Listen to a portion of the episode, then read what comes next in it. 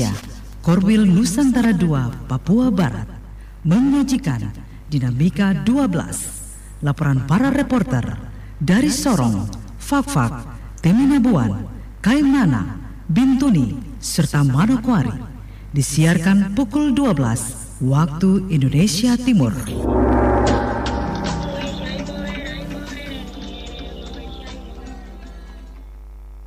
Selamat siang saudara, dari Jalan Kapten Petendean 72, Radio Republik Indonesia Fakfak menyampaikan Dinamika 12 Papua Barat. Inilah selengkapnya Dinamika 12 bersama saya, Siti Nur Aisyah.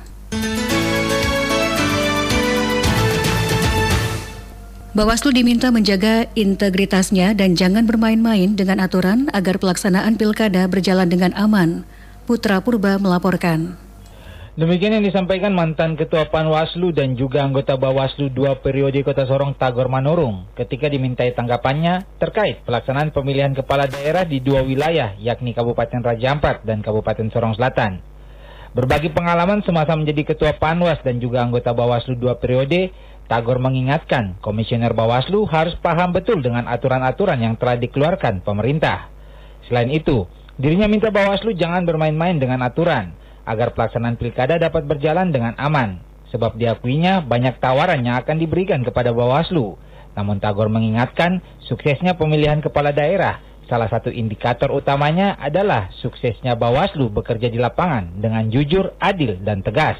Yang pertama untuk Raja Ampat. Raja Ampat itu kan calon tunggal. Jadi lawannya kotak kosong. Coba diperhatikan karena kenyataan sudah terjadi di Raja Ampat uh, bahwa ada relawan kotak kosong. Ada relawan kotak kosong. Jadi uh, jangan lengah, harus kuat dalam hal pengawasan.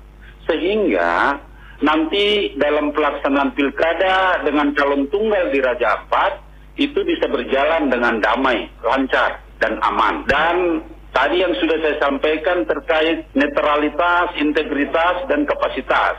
Kita teman-teman uh, lama yang mungkin sudah saling tahu dan saya yakin Raja Ampat akan berjalan dengan aman. Kemudian Sorong Selatan, di sana ada empat calon, tiga calon dari partai politik, satu calon persorangan.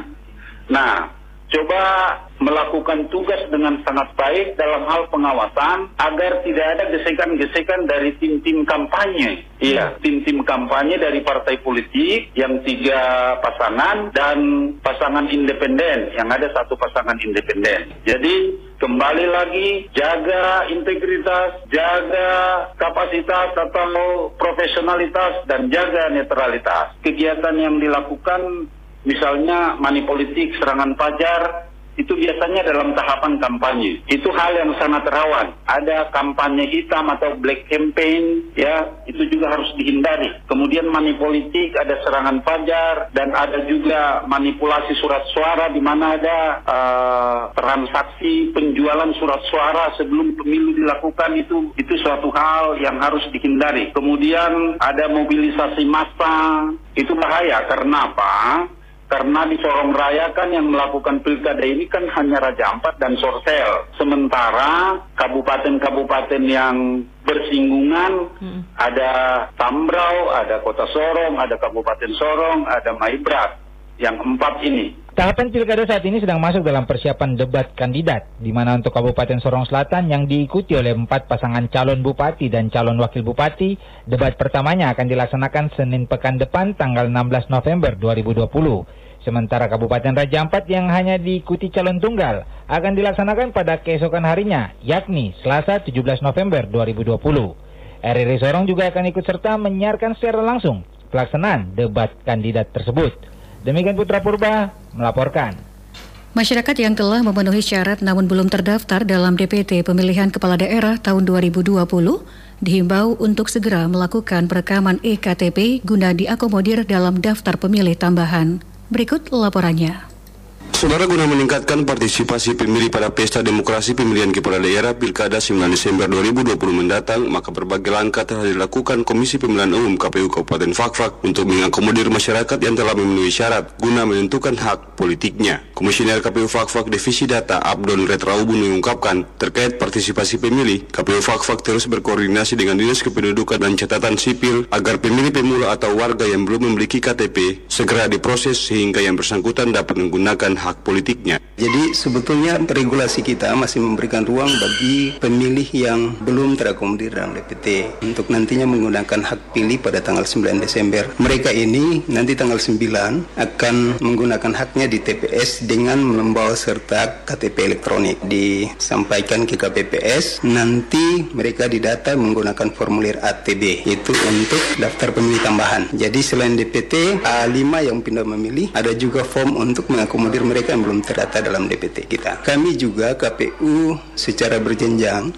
diminta untuk berkoordinasi intensif dengan Dukcapil dalam rangka memaksimalkan perekaman EKTP bagi warga masyarakat yang sampai hari ini belum melakukan perekaman. Kita berharap Pilkada 2020 ini mampu menjawab seluruh kepentingan masyarakat dalam hal ini pemilih dalam rangka melindungi hak pilih atau hak konstitusi warga negara. Kita berharap Pilkada ini tingkat partisipasi pemilihnya lebih tinggi daripada Pilkada sebelumnya. Selain itu, sesuai petunjuk KPU RI, maka KPUD termasuk KPU Fakfak gencar menghimbau kepada masyarakat agar segera melakukan perekaman EKTP sehingga pada hari H pelaksanaan pilkada, masyarakat yang belum terdaftar di DPT dapat dilayani di TPS masing-masing. Disebutkan Abdon daftar pemilih tetap atau DPT pada pemilihan kepala daerah Kabupaten Fakfak tahun 2020 berdasarkan hasil pencocokan dan penelitian yang telah dilakukan oleh petugas dan telah ditetapkan sebanyak 50.206 pemilih yang tersebar di 17 distrik di daerah ini.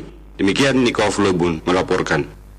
Rapat Manajemen Komite Papua Barat Program Pertumbuhan Ekonomi Hijau melibatkan stakeholder Provinsi Papua Barat sebagai upaya mendorong pertumbuhan perekonomian hijau di Papua Barat.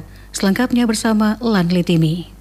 Rapat Manajemen Komite Papua Barat Program Pertumbuhan Ekonomi Hijau dimaksud sebagai evaluasi sekaligus menyiapkan pengembangan kegiatan Green Economic Growth GAG tahun 2020 khususnya di wilayah Papua dan Papua Barat. Untuk kegiatan kali ini dilaksanakan terfokus di Papua Barat sebab ada isu yang diangkat oleh pemerintah Provinsi Papua Barat yakni komoditas rumput laut yang saat ini telah dapat diproduksi dalam skala besar dan sudah berhasil diekspor ke Surabaya. Dwi Rudi Hartoyo, pejabat Direktur Pengembangan Sumber Daya dan Lingkungan Hidup pada Kementerian Desa, Daerah Tertinggal dan Transmigrasi, mengatakan hal itu dianggap penting dan menarik sehingga pemerintah melalui Kementerian Desa, Daerah Tertinggal dan Transmigrasi menjadikan role model terhadap komoditas-komoditas yang lainnya. Selain rumput laut di Papua Barat juga ada pala, kopi, dan kakao.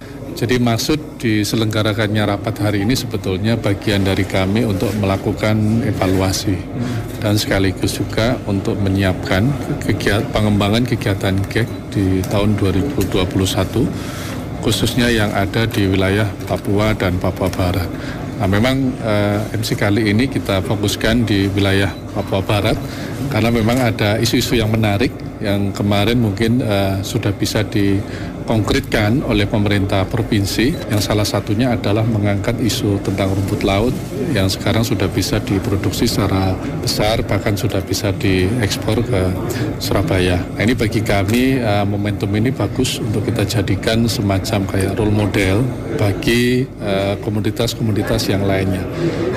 Sementara itu, Antoni Torres, pimpinan tim program pertumbuhan ekonomi hijau di Papua, Papua Barat mengatakan rapat koordinasi ini wajib dilaksanakan dengan pemerintah Provinsi Papua Barat dalam waktu empat bulan sekali, demikian pula di Papua. Dan untuk beberapa daerah di Papua Barat sedang dikoordinasikan agar kegiatan koordinasi dapat terbangun dengan baik di antaranya di daerah Mansel.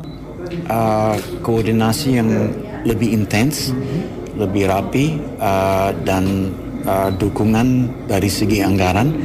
Uh, kebetulan karena COVID dan juga masalah otonomi dana otonomi khusus di Papua ya. Kalau Papua Barat uh, situasinya beda, tapi kalau di sini masalah COVID tetap memukul anggaran daerah luar biasa. Jadi pada prinsipnya tahun ini kami hampir jalan sendiri dari segi anggarannya karena pemerintah daerah memang uh, terpaksa mengalokasikan dana ke uh, darurat COVID. Uh, tapi 2021 uh, itu tahun baru dan kami mengharap situasinya berbeda. Uh, anggaran saya tetap siap. Malah tahun ini kami uh, pengeluarannya ber, agak berkurang dibandingkan rencana jauh berkurang.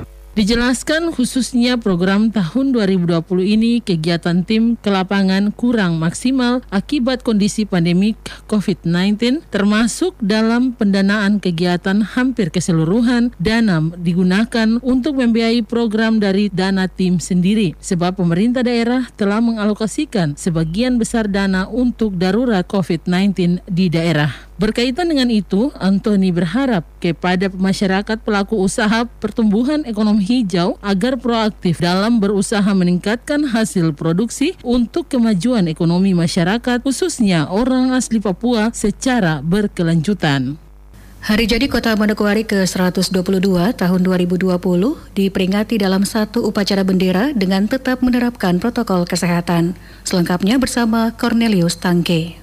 Peringatan Hari Jadi Kota Manokwari ke-122 tahun 2020 dilangsungkan dalam suatu upacara bendera dengan pembina upacara PJS Bupati Manokwari Robert Rumbekwan dengan pemimpin upacara Julianus Ayob SIP. Upacara peringatan tersebut hanya melibatkan peserta dari pejabat eselon 2 dan 3 di lingkup pemerintah Kabupaten Manokwari dan Satuan TNI Polri serta Basarnas. PJS Bupati Robert Rumbekwan mengingatkan dengan usia Manokwari yang tidak muda lagi, Manokwari harus menjadi inspirasi dan motivasi dalam mengisi pembangunan demi karya dan prestasi di masa depan yang lebih baik. Ia mengajak seluruh elemen masyarakat Manokwari untuk terus meningkatkan dukungan dan kerjasama dalam menyukseskan pembangunan di daerah ini. Saya berharap kepada seluruh elemen masyarakat Kabupaten Manokwari terus mempertahankan dan meningkatkan dukungan, perhatian, dan kerjasama dalam mensukseskan pembangunan daerah di berbagai bidang. Karena penyelenggaraan pemerintahan dan program-program pembangunan daerah tidak akan berjalan dengan baik apabila tidak didukung oleh segenap elemen masyarakat. Mari kita wujudkan Manokwari yang bersih, indah, sejahtera, aman, dan damai. Pada kesempatan itu, PJS Bupati juga meminta seluruh pihak saling bergandengan tangan dalam harmoni dan menguatkan satu sama lain agar hambatan, tantangan, dan permasalahan dalam proses pembangunan dapat terselesaikan setelah upacara dilanjutkan dengan resepsi hari ulang tahun. Hari jadi Kota Manokwari tahun ini diperingati secara sederhana berbeda dengan tahun-tahun sebelumnya karena kondisi pandemi COVID-19. Anda masih mendengarkan RRI Radio Tangga Bencana COVID-19. Distrik Bomberai Kabupaten Fakfak saat ini melakukan berbagai persiapan untuk memeriahkan dan menyambut Hari Kesehatan Nasional HKN ke-56 tahun 2020. Berikut laporannya.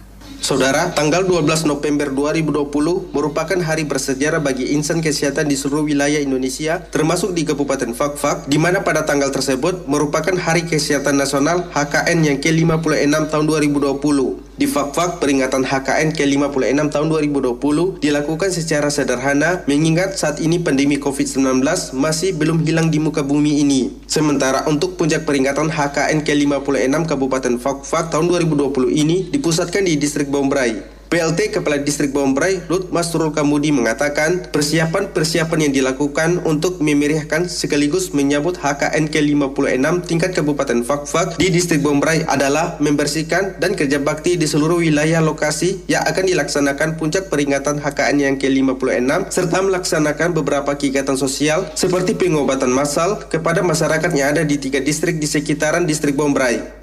Kami Distrik Bombray tahun ini percayakan sebagai tuan rumah pelaksanaan peringatan Hari Kesehatan Nasional yang ke-56 tahun 2020 tingkat Kabupaten Pakpak. Yang kedua, kaitannya dengan persiapan-persiapan yang sudah kami lakukan di antaranya yang pertama itu kita melakukan pembersihan secara menyeluruh seluruh wilayah kasih pelaksanaan kegiatan di ibu kota distrik Bombay yang berikut untuk serangkaian kegiatan yang akan dilaksanakan untuk menyambut HKN pada tanggal 11 dan 12 adalah adanya kegiatan bakti sosial berupa pembersihan lingkungan-lingkungan secara menyeluruh oleh seluruh ASN, kantor distrik dan ASN Puskesmas. Yang kedua, kami juga persiapkan untuk segala bentuk fasilitas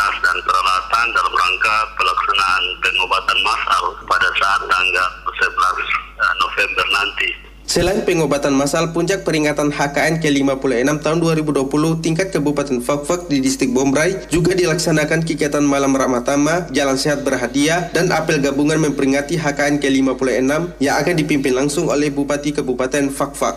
Untuk puncak peringatan HKN, yang mana HKN ini kita mulai dari tanggal 11 pagi itu akan dilangsungkan pengobatan massal satu hari penuh. Selanjutnya di malam hari itu akan dilakukan malam ramah tama dan di esoknya tanggal 12 itu dirangkaikan dengan jalan sehat berhadiah atau door prize yang nanti finishnya di startnya dari Puskesmas Bomberai dan finish di kantor distrik Bomberai. Nah finishnya di kantor distrik Bomberai itu akan diikutkan dengan pel gabungan yang akan dipimpin langsung oleh Bapak Bupati Fokfak. Selanjutnya di situ akan diserahkan berbagai hadiah-hadiah lomba yang mana sudah dilakukan di dinas kesehatan sendiri maupun di wilayah distrik Baik serta akan dilangsungkan juga peresmian beberapa fasilitas umum milik pemerintah yang dibangun oleh dana kampung maupun oleh APBD pemerintah.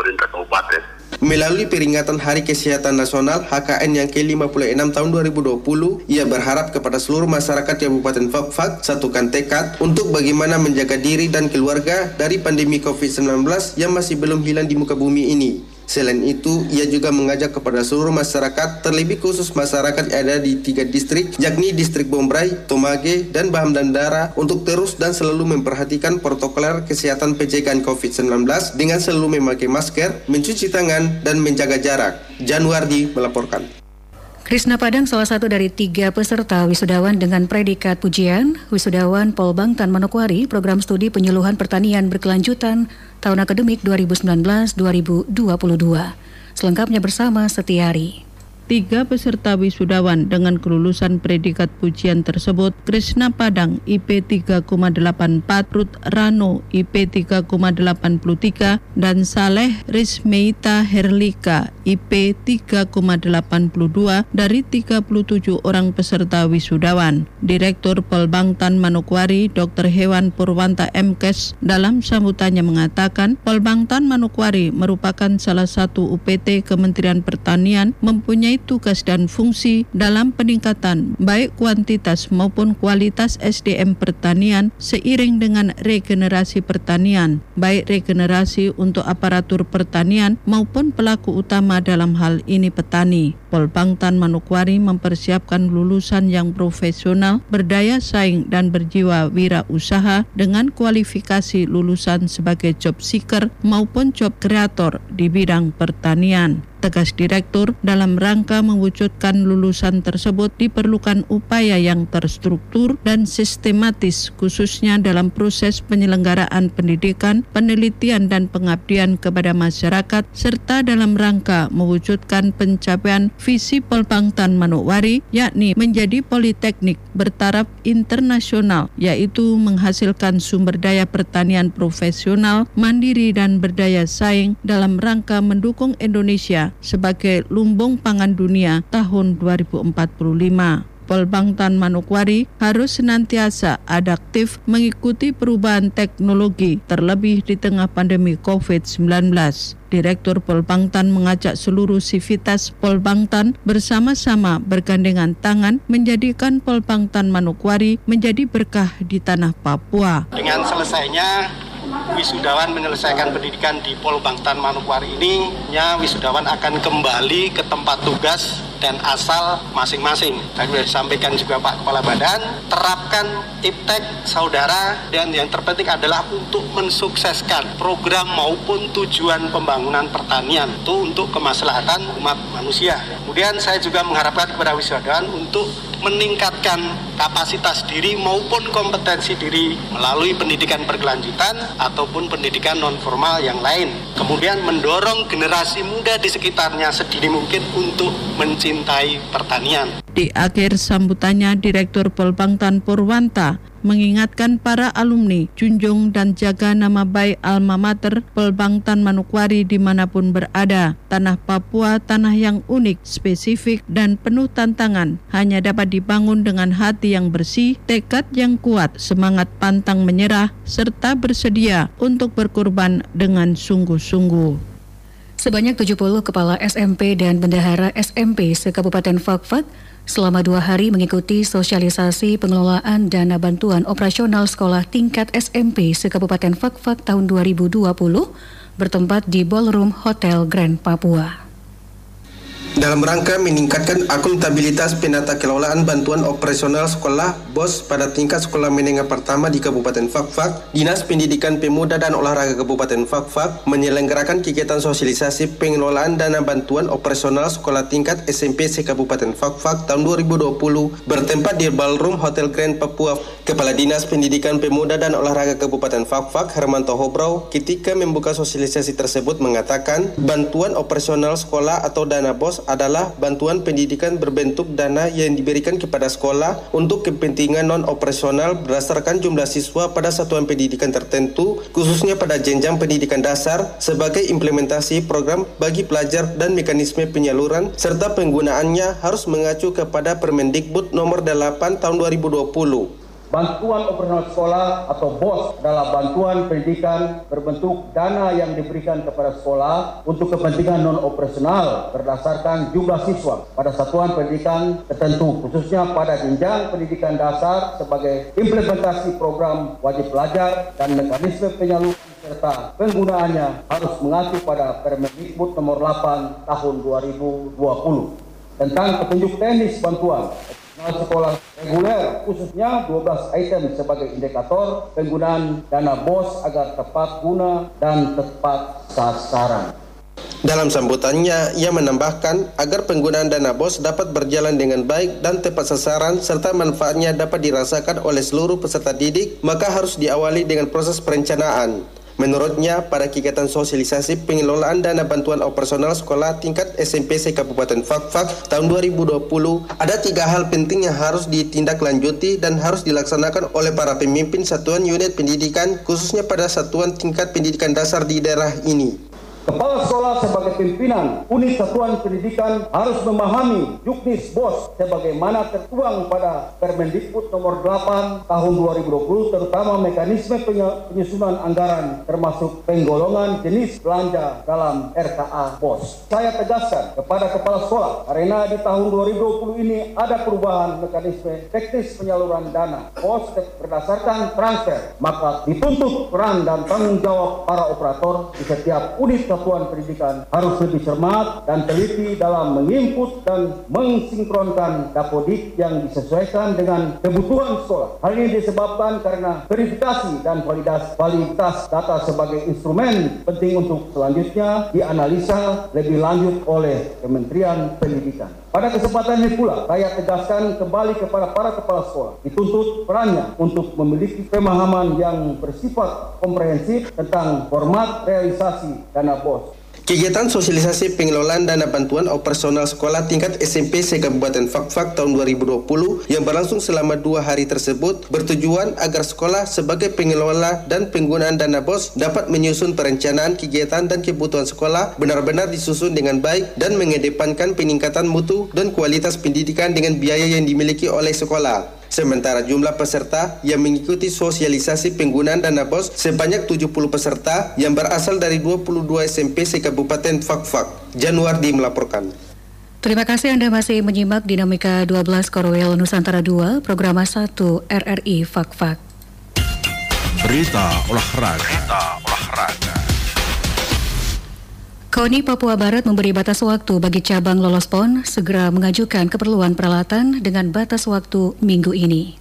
Saudara, Ketua Harian KONI Papua Barat Daud Indo usai rapat pengurus KONI Papua Barat yang berlangsung kemarin di kantor KONI Papua Barat di Susweni meminta cabang-cabang olahraga lolos PON Papua Barat segera mengajukan keperluan peralatannya yang akan digunakan di PON 20 tahun 2021 di Papua. Dari 27 cabang olahraga lolos PON Papua Barat hingga kemarin baru 13 cabang olahraga yang mengajukan keperluan peralatan tersebut. Karena itu, KONI Papua Barat memberi batas waktu kepada cabang-cabang olahraga lolos PON Papua Barat itu minggu ini sudah harus mengajukan keperluan peralatan yang dibutuhkan karena akan segera dibelanjakan. Jika tidak mengajukan, maka cabang olahraga itu jangan menyalahkan KONI Papua Barat jika nantinya dibelanjakan yang tidak sesuai dengan kebutuhan. Yang sampai hari ini takutnya kita belanja dari KONI, nanti dianggap bahwa uh, kita disalahkan oleh pihak cabur itu sendiri bahwa ah, itu KONI yang belanja.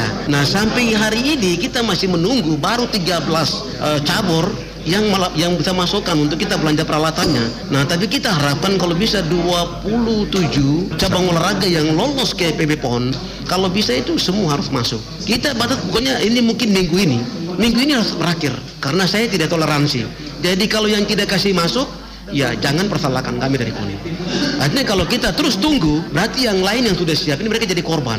Sementara menyoal cabang olahraga yang masih bermasalah, KONI Papua Barat segera memanggil cabang yang bersangkutan guna mencarikan solusinya. Untuk itu diharapkan cabur yang diundang untuk hadir. Kemarin pernah mereka sudah lolos, nah, mereka sudah lolos untuk ke PON, tapi kepengurusannya sendiri masih bermasalah. Ya saya tegas, saya minta untuk kalau bisa ada undangan yang kita layangkan betul tolong menghargai kita sebagai uh, pengurus KONI, pengurus pelaksanaan harian KONI, minta supaya kalau bisa menghadiri undangan untuk bagaimana masalah yang ada di uh, cabur itu, bagaimana kita menyelesaikan. Artinya keterkaitannya ada di daerah atau ada di pusat, sehingga kita bantu untuk solusinya kita menyelesaikan masalah. Di bagian lain keterangannya, Ketua Harian KONI Papua Barat Daud Indo menyatakan pula menyongsong PON 20 tahun 2021 yang semakin dekat, pihaknya meminta pengurus KONI Papua Barat aktif menjalankan tugas dan fungsinya dengan baik. Demikian dinamika 12 hari ini. Laporan aktual para reporter seprovinsi Papua Barat. Sampai jumpa.